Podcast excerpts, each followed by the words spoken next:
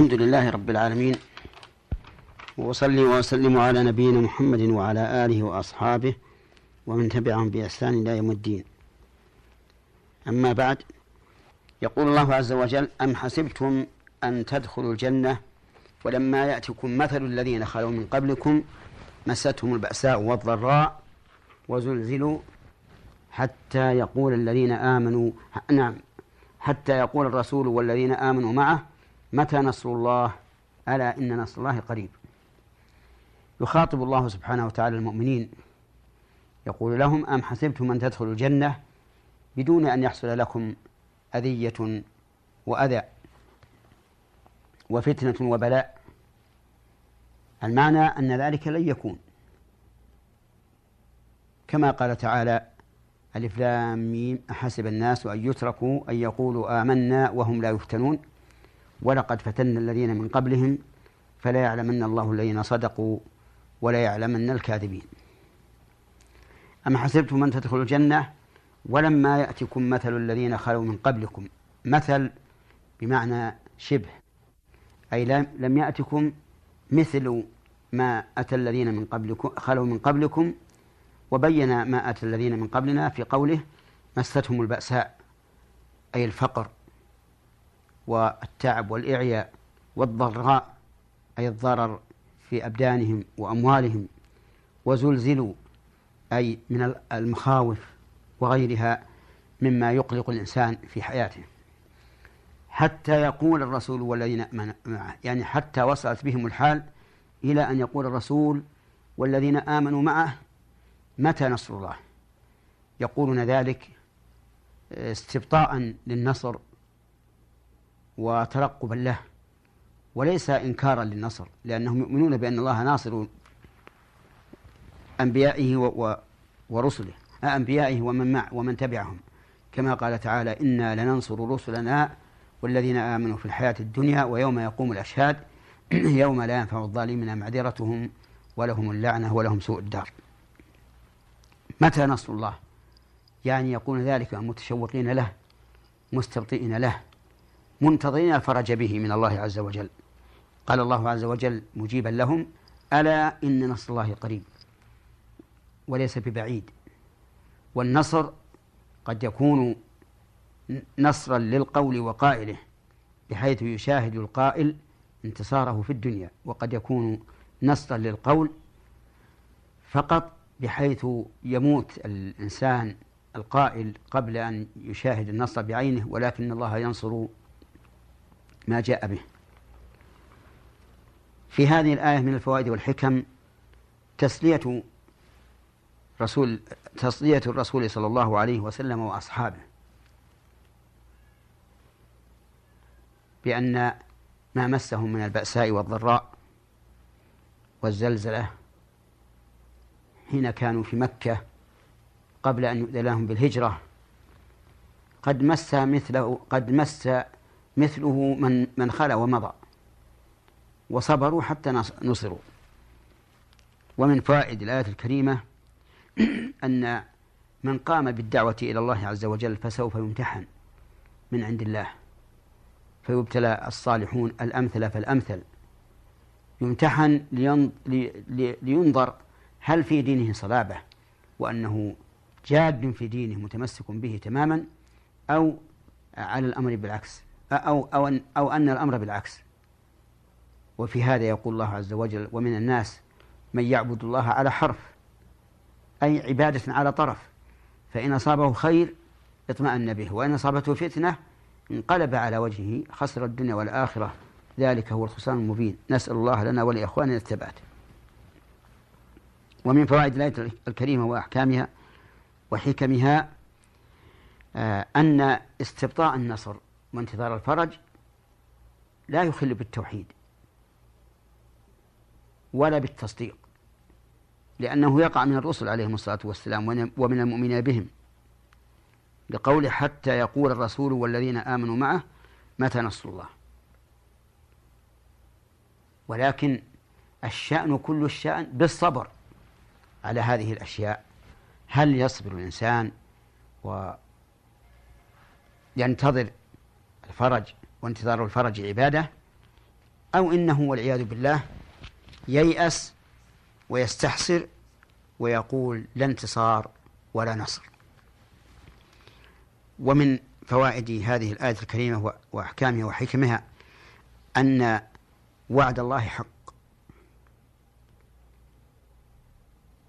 وأن نصره لأوليائه قريب وليس ببعيد ولكن المؤمن ولكن الإنسان خلق من عجل وكان عجولا فأصله ووصفه العجلة. يريد أن يكون الشيء عاجلا غير آجل. ولكن المؤمن هو الذي يصبر وينتظر الفرج من الله عز وجل.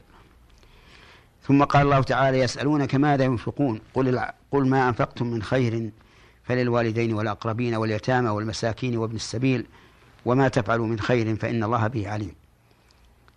يكثر في القرآن يسألونك في حوالي اثني عشر موضعا يسألون الرسول عليه الصلاة والسلام عن مسائل في دينهم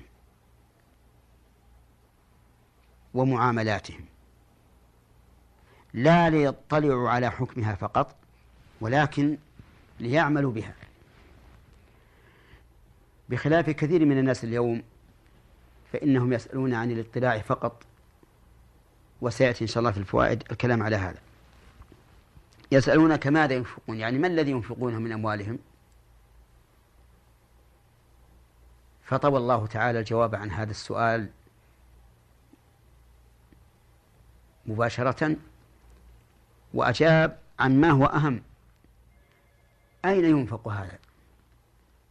فهنا إنفاق والإنفاق يتضمن منفق ومنفق عليه. والأهم المنفق عليه هل يكون الإنفاق في محله أو في غير محله. ولهذا قال قل ما أنفقتم من خير فللوالدين. فبين الله تعالى مصرف هذا الإنفاق. وأما المنفق فقال قل ما أنفقتم من خير. أي من فضل زائد عن حاجاتكم. والخير يطلق على الشيء الزائد على غيره والفاضل على غيره ويطلق على المال كما قال الله تعالى وإنه لحب الخير لشديد. أي لحب المال. فعلى هذا يكون في الآية جواب زائد عن السؤال حيث بين الله المنفق والمنفق عليه. المنفق في قوله من خير والمنفق عليه قال فللوالدين وهما الأم والأب. والأقربين الأقرب فالأقرب كالجدة والجد وجد الأب وجد الأم وما أشبه ذلك. و واليتامى جمع يتيم وهم كل من مات أبوه وهو صغير لم يبلغ من ذكر أو أنثى. وإنما أوصى الله بهم لأنهم أهل للرحمة والشفقة حيث لا, لا, لا, لا عائل لهم وحيث انكسرت قلوبهم يشاهدون الناس أمثالهم من الصبيان معهم آباؤهم ذاهبين وراجعين وهم ليس معهم أب فتنكسر قلوبهم فأوصى الرب الرحيم الذي هو أرحم بعباده من الوالد بولدها أوصى بهم خيرا. والمساكين جمع مسكين وهو الفقير وسمي الفقير مسكينا لأنه آه، لأنه أسكنه الفقر وأذله. ولهذا تجد الفقراء في الغالب أذلة أمام الأغنياء. وابن السبيل يعني المسافر الذي انقطع به السفر. فالمسافر الذي انقطع به السفر غريب لا يعرف فيقرض. ولا يعرف فيستقرض فهو في حاجة إلى من يعطف عليه ويحنو عليه ولهذا أوصى به الله تبارك وتعالى خيرا. ثم قال وما تفعل من خير فإن الله به عليم. لم يقل وما تنفق من خير. قال وما تفعل. ليكون ذلك عاما للإنفاق وغير الإنفاق. فأي خير يفعله الإنسان فإن الله تعالى به عليم لا يفوته شيء. فمن يعمل مثقال ذرة قال الله تعالى فمن يعمل مثقال ذرة خيرا يره ومن يعمل مثقال ذرة شرا يره. فلن يفوت الله تعالى شيء بل هو به عليم وإذا كان الله به عليما فإنه لا بد أن يجازي عباده على حسب ما وعدهم. الحسن بعشر أمثالها إلى سبعمائة ضعف إلى أضعاف كثيرة. وفضل الله تعالى واسع. نسأل الله لنا ولإخواننا المسلمين من فضله وأن يهب لنا منه رحمة. إنه هو الوهاب. وإلى حلقة قادمة. والسلام عليكم ورحمة الله وبركاته.